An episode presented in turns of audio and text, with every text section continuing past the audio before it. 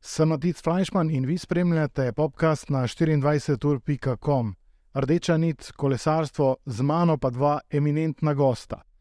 Luka Mezgec, rekel bi, najboljši barist med kolesari, eden najbolj zaželenih eh, posameznikov za vsako od ekip in eh, človek, ki se že dolga leta odlično počuti pod avstralskim okriljem. Luka, pozdravljen.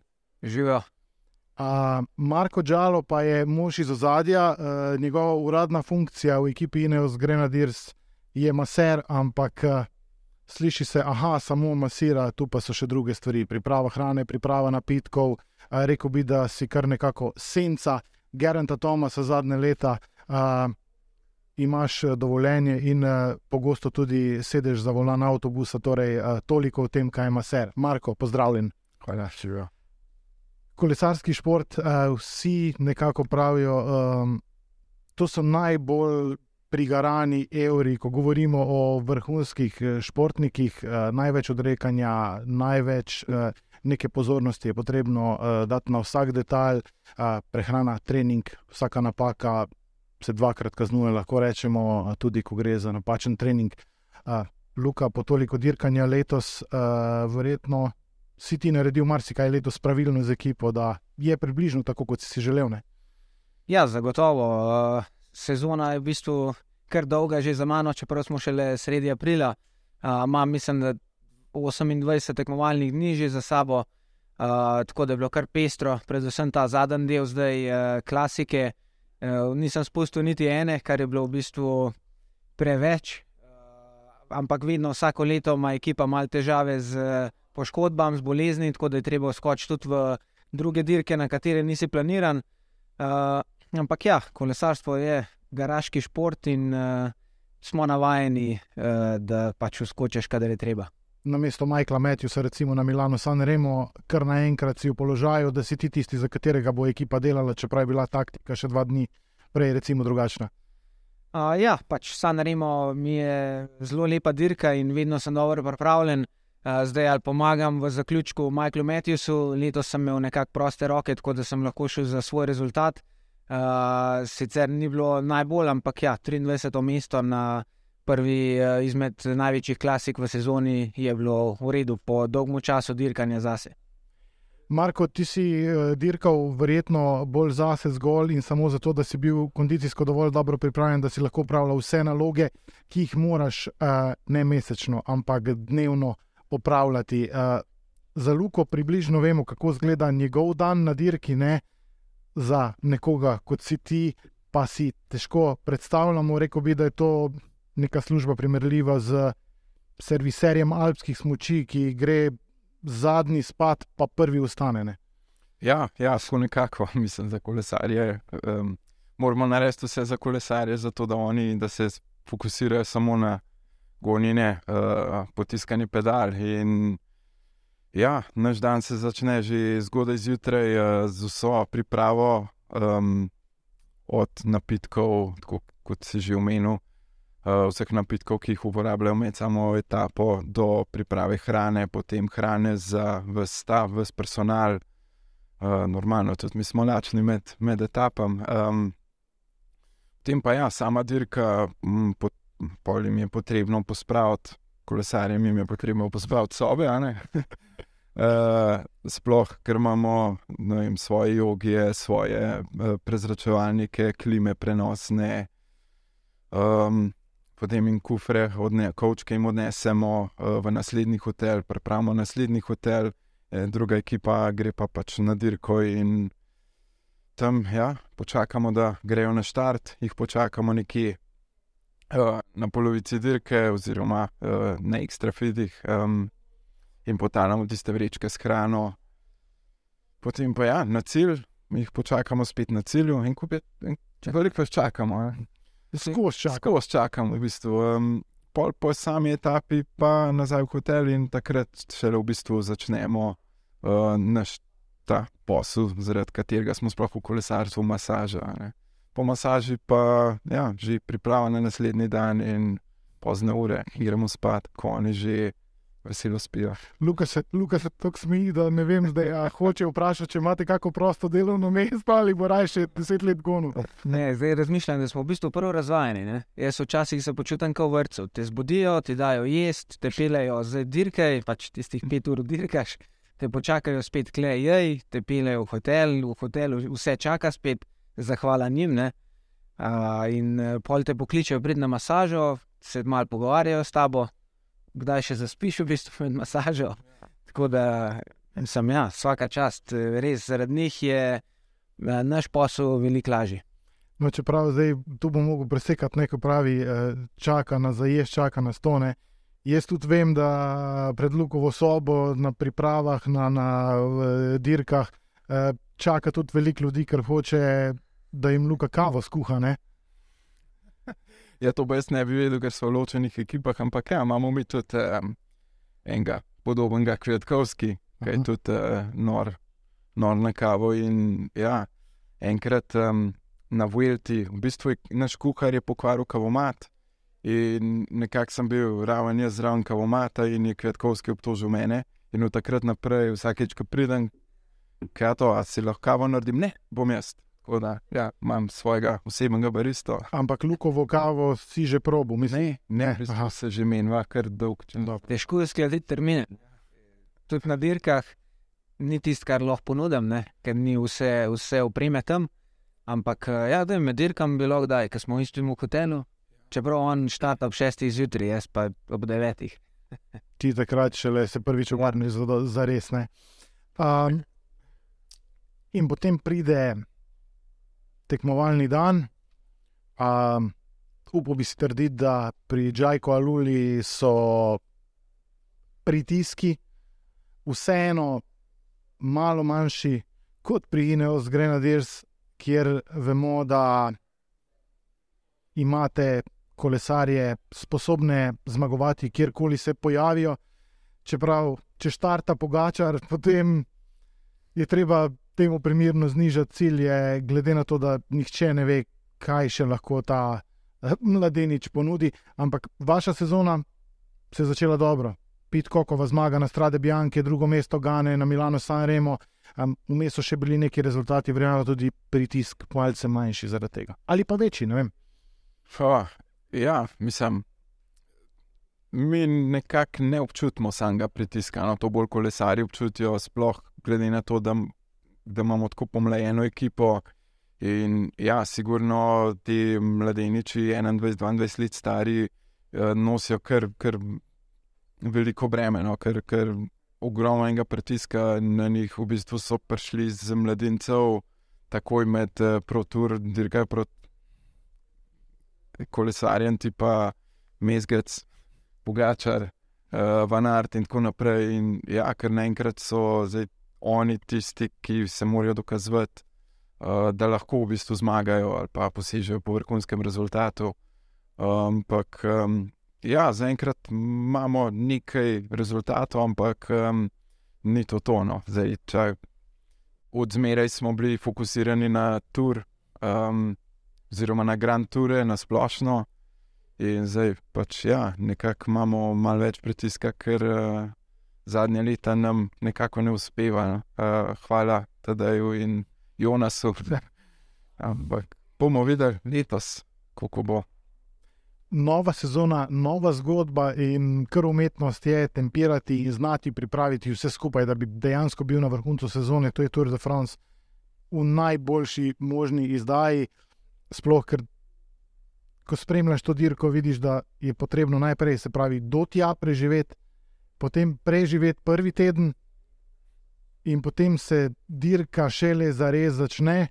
Um, Luka, a recimo šefi sploh, ne vem, upa izreči te besede, ne vem, cilj je zmaga na Tour de France. Sliši se neverjetno, ker se mora poklopiti toliko stvari,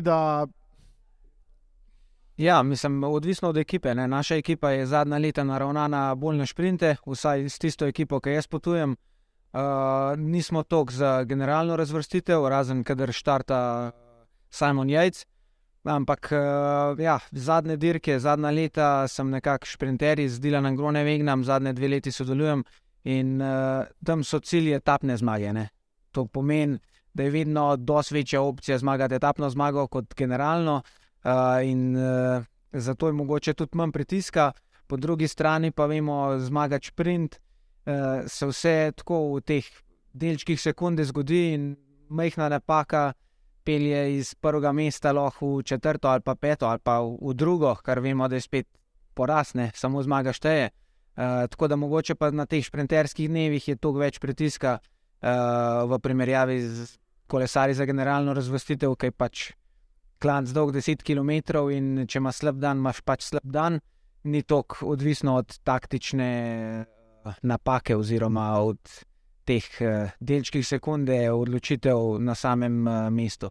In rekel bi, da takrat je pritisk na maserih velik, ne ko so te sprinterske etape, ker se po moje držijo za glavo, ali bodo vsi ciljni sprint preživeli, ali bodo neukrvavljeni pršli, ali bodo čelade zdržale, če pride do paca. Ne vem, kaj se vam roji po glavi, vse v tistih trenutkih, ker nekdo, ki to spremlja od blizu, a, šele začuti realnost, ker televizija eno, kar pokaže. Uh, ko pa slišiš, kako se komovci letijo levo, desno, vi jih pa verjetno še vidite zvečer ne? na masažah, pa kaj vse treba namazati, da so drug dan, kolikor to celi. Kak, trpite takrat. Ja, sigurno, da ni enostavno gledati um, ciljne šprinte, sploh ne in spet je razlika, kot je Luka povedal. Oni so bolj šprintersko naravnana ekipa, mi smo bolj um, za generalno razvrstitev. In zadnjih 10-50 let uh, vsi tekmujejo do ciljne črte.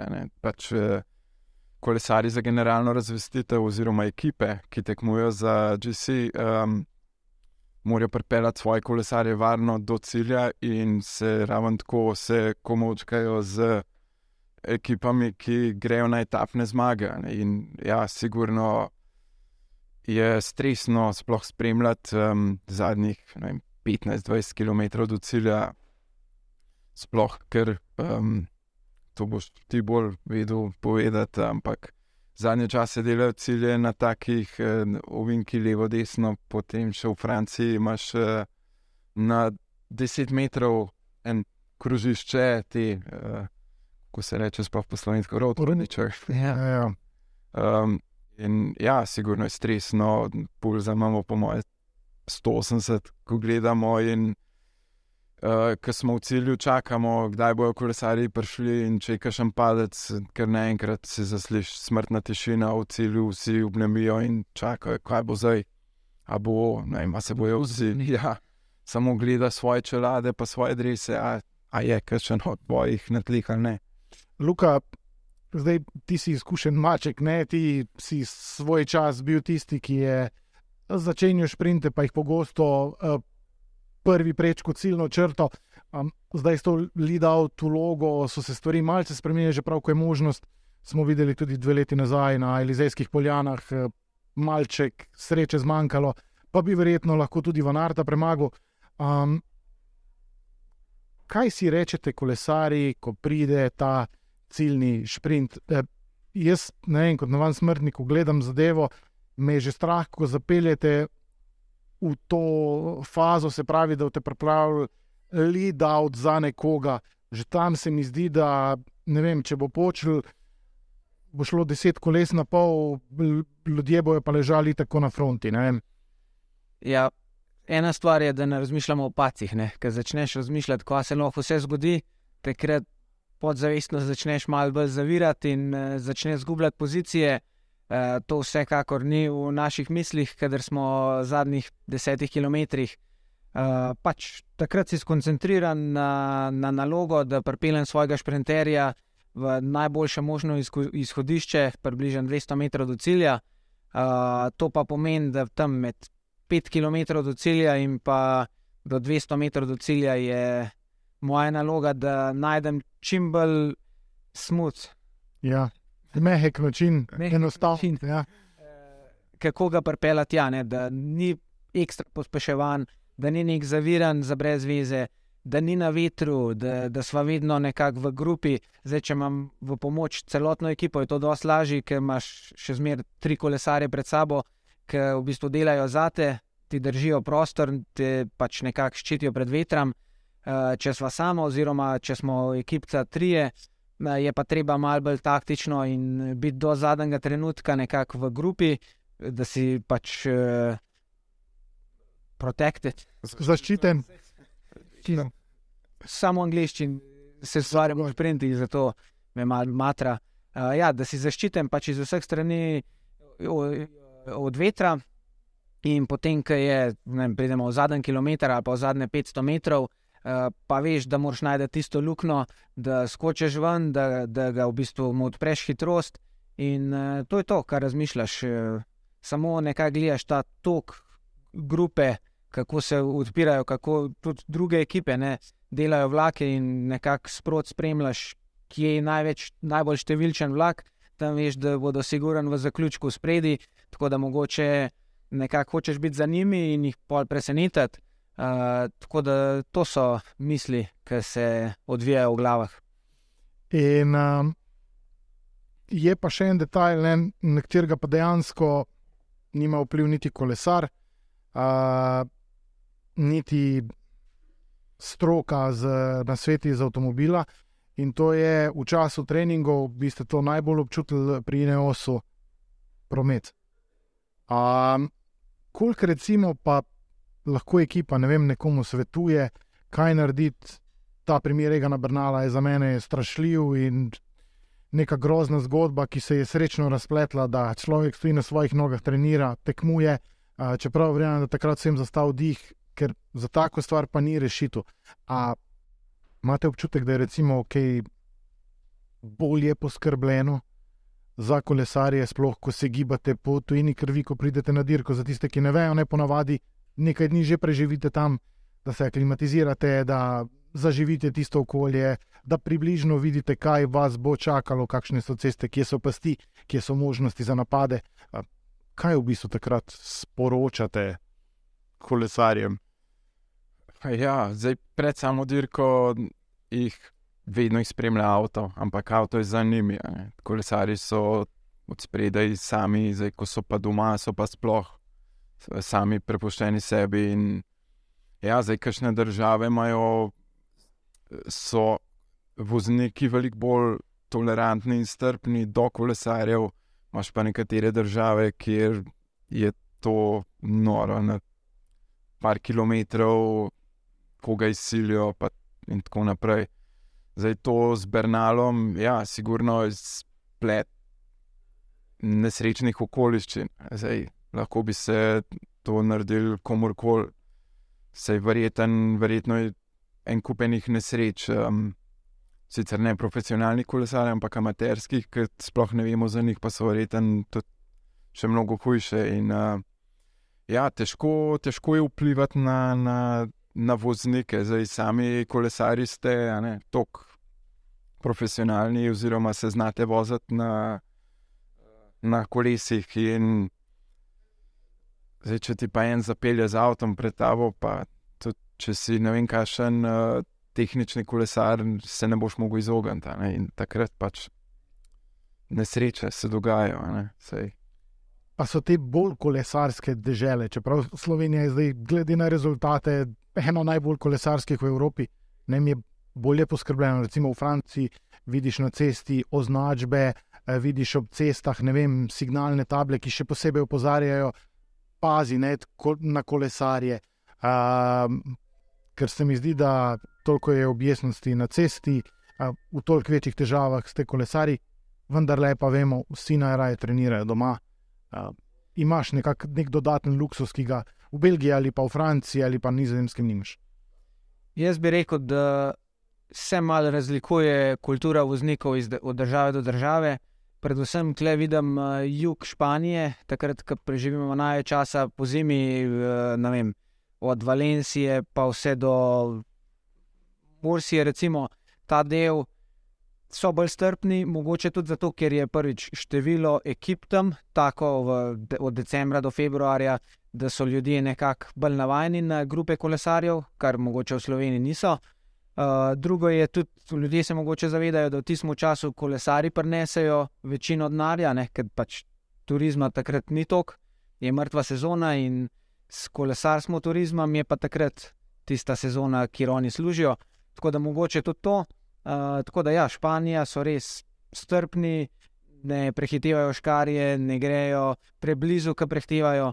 Uh, ampak moram pa pohvaliti slovenske voznike zadnjih pet let. Zdaj, jaz imam srečo, da sem točno v tem obdobju treniram in tekmujem, eh, ker je v bistvu razpon slovenskega kolesarstva največji. In lahko rečem, da pred desetimi leti sem se veliko manj varnega počutil, kot se danes. Danes uh, vozniki prvič, da ne da prehtevajo škarje, niso nestrpni.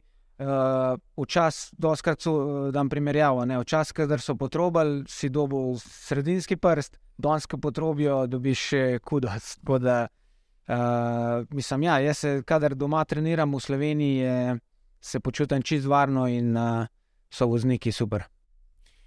In tekmovalno gledano je Slovenija, poleg tega, kaj vse daje v svetovno kolesarstvo, nek fenomen, meni so te stvari nepredstavljive. Sploh, ko prideš v Belgijo, pa poslušaš, da imajo, ne vem. 5000 kolesarjev, pa iz 5000 kolesarjev jih dajo 2500 skozi prvi krok, ne kot Ajaxova šola, nekoč v nogometu. In potem iz teh 2500 jih dajo 1000 in iz 1100, in potem jih izberejo deset zares vrhunskih, v katere vlagajo, na katere lepijo sponzorje, gradijo marketinške zgodbe na njih. No, Slovenija ima pa sedem oziroma osem kolesarjev na Vorturu, a, pa še nekaj podmladka, ki verjamem, da bo ravno zahvaljujoč vam, ki danes ime Slovenije nosite v višave, dobilo to možnost, v kateri so mnogi sanjali, pa nikoli je dosanjali. Um, kako se počuti slovenec danes na ravni Vortura? Uh, ja, res je, da ima Slovenija zelo majhen bazen na izbiro, uh, ki pride pač do števila kolesarjev, predvsem v mladinskih vrstah. Uh, ampak še zmeraj, ja, 8 kolesarjev slovenskih v Vorturu, v primerjavi vem, 50, 60, 70 Belgijcev, ki so tam, je nekako pol proporcionalno, čist tam, kjer smo. Uh, s tem, da zdaj 8 kolesarjev je maksimum, kar je Slovenija imela, ali pa mogoče 9, da je bilo prej. Uh, ampak ja, ko bo šlo, ker se zamenja generacija, mogoče naj čez 10 let bo samo 30 nazaj. Uh, se mi zdi, da imamo srečo trenutno, da proizvedemo to kvalitetnih kolesarjev, uh, siguran je pa kvalitetno delo kle, teh trenerjev. Za kolesarje, do preden vstopijo v profesionalizem, Uh, Slovenci je biti lepo, zadnje čase v Urturu. Uh, doskrat uh, v času Petra Sagana ne, so nas zamenjali za Slovake, uh, danes se prej zgodi, da Petra Sagana zamenjajo za Slovenca. Tako da smo naredili velik napredek. Uh, ampak ja, uh, mislim, da je nek tak. Uh, Občutek, da si malo več vreden, kot je bilo deset let nazaj, ne, ki je bila slovenska zastava, mogoče pisati, kje je sploh Slovenija, aha, v Evropi in tako naprej. Danes vsak ve, da smo blizu Francije, zato je veliko slovencev tudi tam na, eh, na dirki po Franciji, kjer navijajo. Uh, in super je. Ne? In tudi podpornega osebja je kar precej, so ekipe, ki jih imajo več, so ekipe, ki jih imajo manj, ampak zdi se tako, ko se med turom seliš po hotelih, da je kar dobro biti uh, tiho, ne? Uh, da slučajno nisi preveč glasen, tega, ker te potem kdo pozdravi z dober dan. Da, mi smo bili enkrat zelo prestrašeni uh, v enem hotelu po noči, vemo, kako te selitve potekajo iz etape na etapo.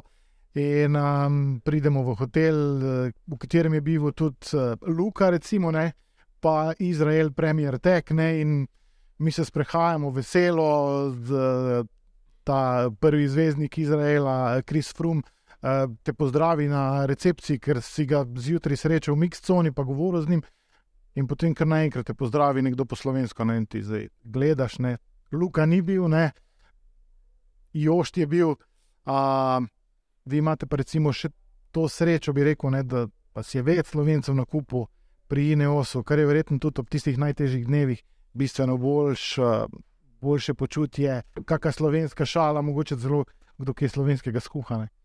Ja, siguren, da je, da je drugače, ker se lahko malo mal pohicaš, pošališ uh, po v domačem jeziku. No, tudi šale so malo drugačne. Tudi, um, Včasih se luka zadere iz, grupe, ko stojimo ob cesti, mi kažemo po slovensko, da ti malo polepša dan. Uh, ja, sigurno nas je veliko več kot, ne vem, ker sem začenjal 12 let nazaj.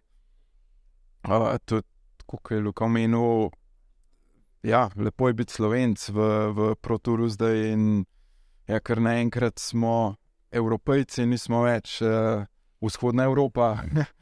Uh, pa tam nekje zraven, zraven Slovaške, Češke, to, to je to, ta, to je Slovenija. Um, ja, siguren, da je, da, je, da je fino, da nas je tok, pa upam, da ne čim dalj, da to traja. In zdaj, v bistvu, druga plat medalje pa je, ne, da so kar jezni na slovence, vsi drugi, razen tisti, ki, ki imajo nekoga, ki se je sposoben boriti vsaki za zmago. Ne. Pri UAE-ju ne morejo biti jezni, ker imajo pogačarja. Um, Kuk so pa recimo jezni na vas, ali pa reče, pa dobro, vi slovenci, pa kva vi imate, ne mislim, zdaj to je že pač noro postalo. No? Dober zrak. Ja, do, doskrat rečejo, ja, pa spet sloven zmagal, v tem smislu. Pa, kva, kva, kva vi jeste tam, da, da tako greste? Ne? Sam jaz se tudi zmer po z našimi pošalim, da jaz tega bidona nisem dobil, ker so ga unni, da sem 40 minut zadnji. Uh, ampak ja, fajn je v bistvu spoh poslušati uh, te šale, uh, ker so itak dobro namerne. Uh, tako da, ja, če ne bi bili tako v vrhu, teh šal zagotovo ne bi bilo. Ja, mene je Bernal me enkrat vprašal po etapi na Vueltik, sta z Rogličem bežala in pol Bernal je tako odpadel, Rogle je zmagal za dve minuti in pride na avtobus in prav ti. A bi jaz lahko slovenski pasoš zobo, a misliš, da bo šel kaj hitrejši? Um, in Luka, spomni se ene izjave tvoje od lani, mislim, da stura, ne, da si čestito moštvenemu kolegu, mislim, da Matjusu, ko je zaostal samo za pogačarjem, ne, da je prvi zmagovalec v kategoriji Homo sapiens. Ne. Ja, v bistvu mislim, to, kar tedaj pogačar zadnje čase kaže, je res eh, nadnaravno in uh, upam, da bo čim dalj trajal. Uh, je pa res, da takrat, ko smo na istih dirkah, uh, že da mu prvoščem, ampak doskrat tiste šprinterske etape se spreobrnejo v etape za generalno razvrstitev, kar mi pa ni tako všeč.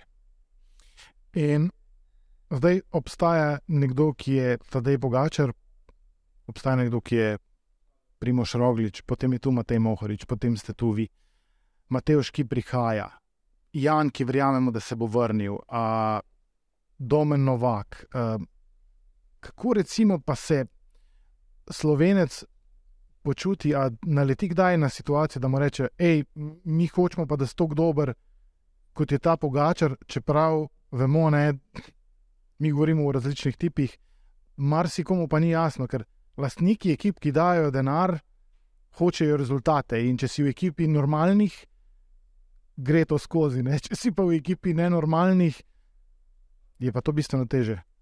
Ne, jaz sem kar v ekipi normalnih, eh, razumejo hierarhijo in uh, kakšen kolesar je nekdo, zakaj je v bistvu nekdo dober in zakaj ne.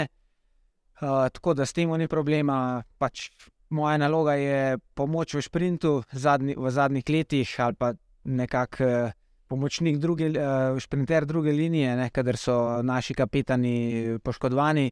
Uh, nikoli pa ni nekih pričakovanj, da bi lahko pa zdaj na klance voziti uh, s prvimi kako je pri vas tem? Ja, žal jaz ne morem kolesariti zaradi pasoša, ampak um, ja, uh, sigurno, da je lepo, meni osebno je lepo, uh, oziroma je super, ko en od slovencev zmaga, smo le ponosni, da, da je slovenc, boljš, kot da zmaga francosa. Um, ampak ja, za ekipo pa sigurno, da. da je nek grenk priokus, glede na to, da smo zadnjih deset let dominirali uh, Grand Tour oziroma Tour de France, zdaj pa kar naenkrat že tri leta zapored. Ja, uh, tedaj oziroma Jonas Vingegaard uh, sta ga zmagala in ja, nekako. Um, Tadej kaže, da se ne misli še nič ustaviti. In zdaj, ne vem, edina opcija je, da, da zamenja ekipo, da pride k nam. Dobra ponudba, verjetno, ampak um, vrnimo se še malce na, na vse to, kar se dogaja okoli, česar v bistvu ne vidimo. Vožnja avtobusa. Ne? Luka, ne vem, meni je to nekaj fascinantnega, Marko pa pravi, ne, se ni problem, ne pač tok metrov je dolg, to se obrnemo, verjetno avtopilota stisnemo, kjer, kjer je res težko, drugače pa. Ja, prve dva uvinka se malo viš, da, da ujameš dolžino avtobusa, drugače pa gre, mislim. Je tako, kot da bi vozil malo večji avto oziroma kombi. Vem, uh, da je sicer paziti, moraš vsako vink, pa glede na to, da so kolesari od zadaj, um, da prevažaš neke vrste tovor, ki je vreden več milijonov. Uh, ja, siguren, da mečken, počasneje voziš, uh, malo bolj previdno, uh, bolj uh, smut, gladko. Morajo vsi uvinki potekati in kolesari se tudi sprehajajo vmes med med samo vožnjo. Zdaj, če imaš dve uri transferja do štarta, oziroma s ciljem do hotela, grejo tudi na stranišče vmes in takrat moraš še ne paziti, da ne zabremzaš, ker če ne. Ja, ne bi bilo lih, bi bilo malo bolj boleče. No? Um, tako da, ja, gre, gre. Se, se navadiš vsega. Ti si DJ, ti si DJ, recimo na vašem avtobusu, ne na njihovem. Ne, moramo videti, da te prevozi avtobusa za nas, kolesarje, pomeni še zmeraj tisti downtime, se pravi čas regeneracije, čas priprave na dirko, uh, ki je pri meni osebno bolj kot ne. Ga je način s časom v hotelski sobi, ne? zdaj ali ležim v hotelski sobi, ali pa sem tam na kavču v avtobusu zadnji. Uh, tako da, ja, so res šoferji avtobusov. So, prvič, moramo zaupati, ne? da spoh ne razmišljaš, kaj se vse lahko zgodi.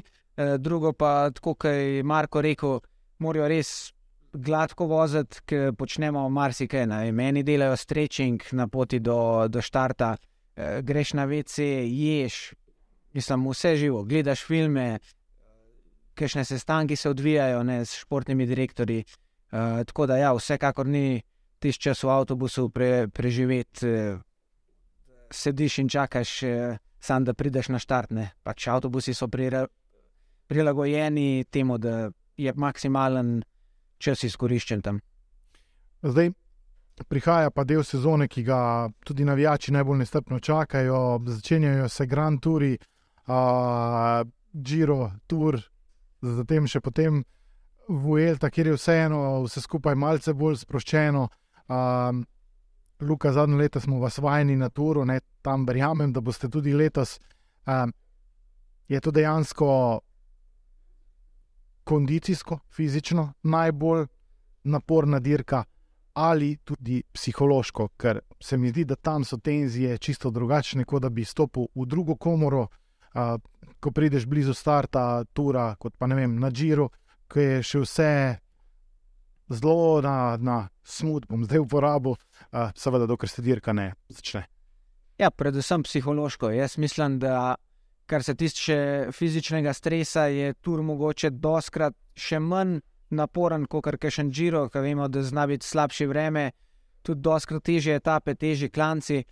Uh, ampak tur je pač toliko večji od vseh ostalih, da je že. Mix cona, ne? tam je 80-100 novinarjev, na drugih dirkah jih je 20-30. Že to in vse ta vpliv naredi kolesarje malo bolj nervozne. Eh, športni direktori so bolj nervozni, navodila po radijskih zvezah so: bodite čim bolj spredi, izognite se tako pacem, ne zgubljate energije za brez veze, če se vozi zadnji in zaviraš po nepotrebnem. Ampak, če to dobi isto navodilo 200 kolesarjev po radijskih zvezah, cesta je pa široka za 10 kolesarjev, pol vemo, da bo, da bo veliko pacov. Ne? In uh, točno to se dogaja vedno na turu. Uh, jaz imam pa rad ta, ta del, ker se pač dobro vozim po, po grupi, po pelotonu in uh, lažje pridem skozi miše lukne naprej, ne? kot nekateri, ki morajo vedno po vetru, rabijo veliko prostora. Uh, zato je tur za me bolj pisan na kožo, kot kar še Džiro ali pa Vuelta, ker lahko prešparam energijo tam, kjer je ostali mogoče ne. Uh, ampak ja, to smo vsi šprinterji nekako taki. Uh, in to je največja razlika v primerjavi z, z vsemi tremi Grand Touri. In kako, Luka pravi, da tam bolj uživa, ne vem pa kako vi uživate. Na turu, ker Ne uživamo. dan je prekratek, ne. Ja, biti mar Toma se naučil, kako gre skozi te miše luknje. Uh, ja, ne, ne uživamo. Sem že prej omenil, da je stresno, uh, včasih za nas še bolj, ko gledamo, ker pač ko si, ko si tam dejansko v grupi, mislim, da vi sploh ne razmišljate, je vse avtomatika. In zdaj, če je padec pred tabo, nimaš kaj, upaš, da ne vem. Enkrat se spomnim, je že, že razlagal, po, ko je padel, seveda, ena od mnogih. Uh, je razlagal, da je imel toliko časa, da je razmislil, a bo na nekoga padel, a bo šel v ograjo, in je na nekoga se je prevrnil, tako da je nekako smut, vse potekalo. Torej, če prav razumem, ne, za njega prihaja najlepše obdobje sezone, Marko, za vas pa najzahtevnejše.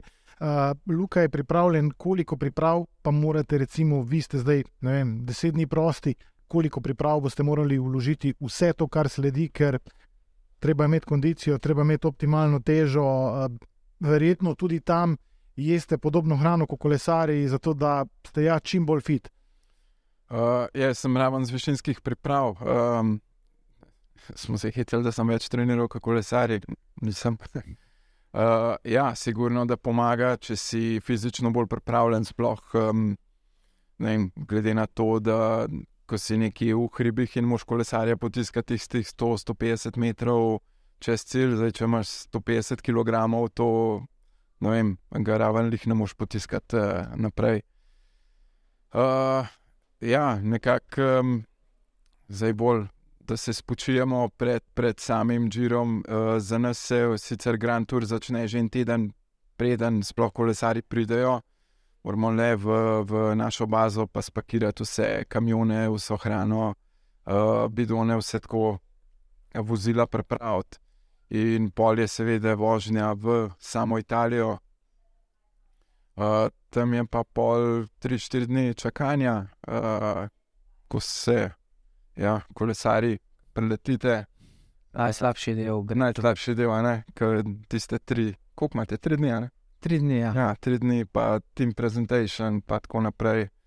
In ja, vsi pravijo, da so to naj, najdaljši tri dnevi, ki se v bistvu nič se ne dogaja, ampak vse se dogaja takrat. Um, tako da vsi komaj čakajo tisto soboto, k, ko je štart um, Grand Toura, pol je pa vse avtomatika in ja, pravimo. Prvi teden gre na, na svežino, a drug teden na izkušnje, tretji teden pa na dah. Zdaj ne vem, aj prvo si sta. Ma, ni, nimamo teh izrazov. To se po slovenski govoriti. Ja, ja. Ja, ja, ja, te ne si tako sloven. In za konec, uh, Grand Touri prihajajo, in zdi se, da se lahko zgodi nekaj fenomenalnega, da bi morda slovensko ime na vrhu bilo na prav vseh dirkah uh, za Grand Tour, torej na vseh tri tedenskih dirkah. Uh, nekaj, o čemer nismo nikoli mogli razmišljati, zdaj pa lahko dejansko to uh, sanjamo. Luka, vašemu ekipi sicer eh, verjetno to predstavlja motiv, ne sklatimo slovenca z vrha, eh, tudi vašim eh, pri Neosu, ampak eh, mogoče ne vem, ne bom rekel nek komentar tega, ampak vaša napoved je to dejansko možno. Ja, noro je, če na to pomisliš. Ne, se pravi, deset let nazaj, mogoče, ko je bil Janez Brajkovič deveti, mislim, da je bil deveti na, na Turu in pa bliskašne etapne zmage, tu je bilo noro. Nismo si pa nikoli predstavljali, fuf, da bi zmagal Slovenc. Zdaj pa kar serijsko, iz enega Grand Tura na drugega, eh, kjerkoli štartata Primoš ali pa tedaj, veš, da skoraj ne morete biti slabi, kot drug. Če Če sta oba na štart. Ja.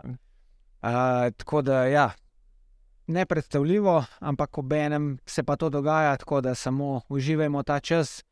Uh, sploh tedaj je še mlad, tako da se bo še kar nekaj časa to odvijalo. Ne? Tako da sedmo se in uh, uživajmo. Marko, Se primoš je tudi še mlad. Se je to pozno začel, da je v bistvu tehnično gledano še kar mlad. Uh, ja, sigurno se strinjam z Lukom. Um, vsi Slovenci moramo zdaj uživati v teh momentih, ker lahko se jutri zaključi zgodba. In ja, vidimo primer Bernala, zdaj upajmo, da, da sicer uh, ne bi do kaj tajnega prišlo, ampak ja, nesreča nikoli ne počiva, nikoli ne veš, kaj se bo zgodilo. Tako da, ja, dokler lahko uživamo v uspehih, eh, ne samo TD-ja in uh, Primoža, ampak v, v vseh. No, in so tukaj še Matej, Luka, Jan, Tratnik in ostali, ne, zdaj, da ne bi koga pozabili. Ja. Um, ja, uživajmo v teh momentih, zdaj sicer. Um, da odgovorim na vprašanje. Uh, ja, sigurno, da je možno. In je Luka tudi že omenil, ko je Brajko, ko je bil devet na turu, je bilo takrat to za nas znanstvena fantastika. Mislim, da je predtem aj do Fine zmagal. Ja, Uh, je bilo to nekaj, nekaj izven serijskega, zdaj kar slovenc na vrhu do Finaja, to je nekaj fenomenalnega. Zdaj pa pogledamo, če je na drugem mestu že neuspeh, a ne? kar je tudi krivica po eni strani. Tako da, ja, um, pustimo se presenetiti, um, pa uživajmo. Marko Džan, Luka Mezgec, hvala za vaš čas. Hvala, ker ste nam urisali stvari, ki jih ne vidimo prek eh, malih zaslonov in seveda verjamem, da boste uživali v letošnji sezoni, eh, predvsem zato, ker delate v življenju stvari, ki jih najraje počnete. Hvala. Hvala. hvala. To je bil uh, podcast na 24.com. Dotaknili smo se kolesarstva in dogajanja v zadju kolesarstva. Spremljajte najbolj brano spletno stran še naprej in uživajte v današnjem dnevu. Hvala za vašo pozornost in nasvidenje. pushing in my